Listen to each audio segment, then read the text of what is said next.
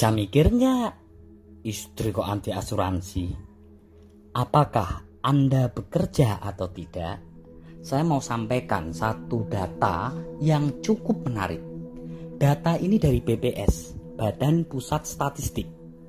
Data itu menyampaikan bahwa 9 dari 10 wanita Indonesia secara ekonomi kebergantungan kepada suaminya. Melihat data itu, secara pribadi saya sangat miris jika harus bayangin bagaimana jika suami meninggal duluan. Ya, coba Anda bayangin bagaimana jika suami Anda yang meninggal duluan. Padahal suami Anda selama ini adalah tulang punggung utama keluarga Anda. Pendapatan suami Anda adalah sumber income terbesar yang selama ini dipakai untuk memenuhi segala kebutuhan rumah tangga Anda. Lantas, bagaimana jika suami Anda meninggal duluan? Coba lihat anak-anak Anda. Bagaimana jika suami Anda meninggal dan anak-anak Anda masih usia sekolah? Masih anti asuransi. Bisa mikir nggak? Dan data kedua yang ingin saya sampaikan kepada Anda sebagai seorang istri, sebagai seorang wanita. Data dari Yayasan Cancer Indonesia menyampaikan bahwa per 2013 saja setiap harinya selalu ada 40 wanita Indonesia yang terdeteksi kanker serviks dan bahkan 20 di antaranya berakhir meninggal dunia. Penyakit tersebut menyerang perempuan di Indonesia di usia produktif antara 35 tahun sampai 55 tahun. Data lain juga menyebutkan satu dari delapan wanita Indonesia beresiko terjangkit kanker payudara. Tahukah Anda, jika seseorang kena kanker, minimal biayanya berapa?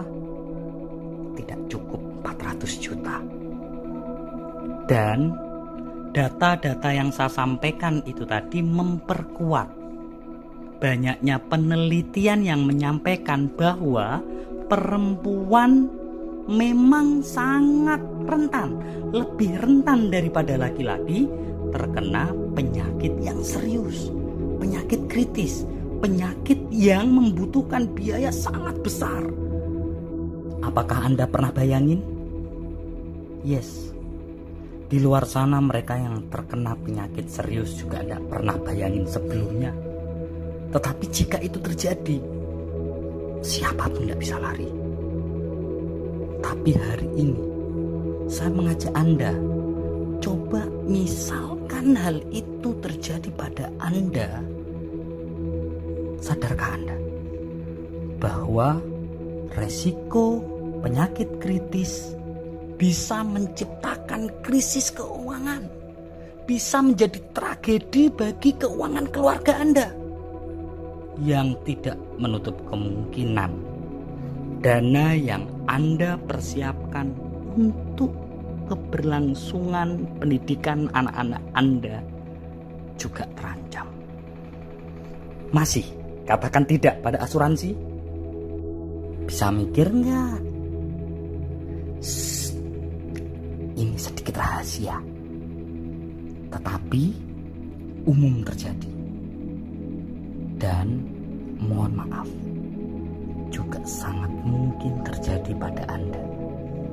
Anggap saja jika Anda hari ini berpikir Anda sudah pada posisi yang cukup mapan secara finansial. Uang di rekening banyak, aset-aset melimpah, dan Anda berpikir aman, tenang, bisa jadi tidak demikian. Bisa jadi tidak 100% seperti dalam bayangan Anda. Tahu kenapa? Pernah dengar? Ada orang yang di luar sana memiliki simpanan. Oh ya, ya, bahkan bukan sekadar simpanan, tapi sudah diresmikan.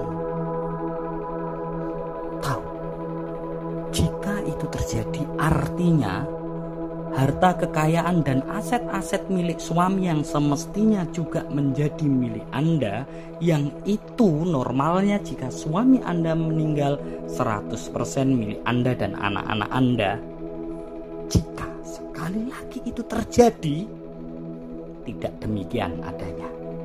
Maka harta kekayaan dan aset-aset yang ada juga harus terbagi dengan yang lainnya. Dan ini satu fakta penting. Anda catat baik-baik.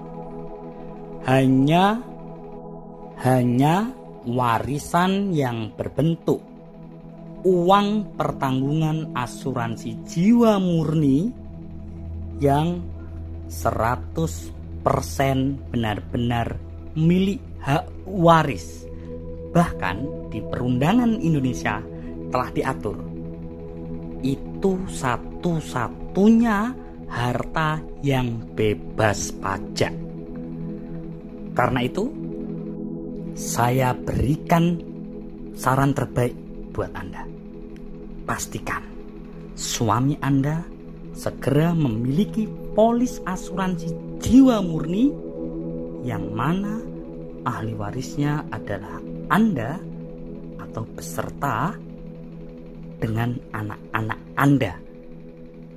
Karena inilah harta yang insya Allah bisa Anda andalkan dalam kondisi, dalam situasi yang kita juga nggak inginkan, tetapi itu bisa saja terjadi jika suami Anda meninggal duluan di saat anak-anak Anda sedang bertumbuh. Di saat Anda dan anak-anak Anda belum memiliki sumber income selain suami Anda.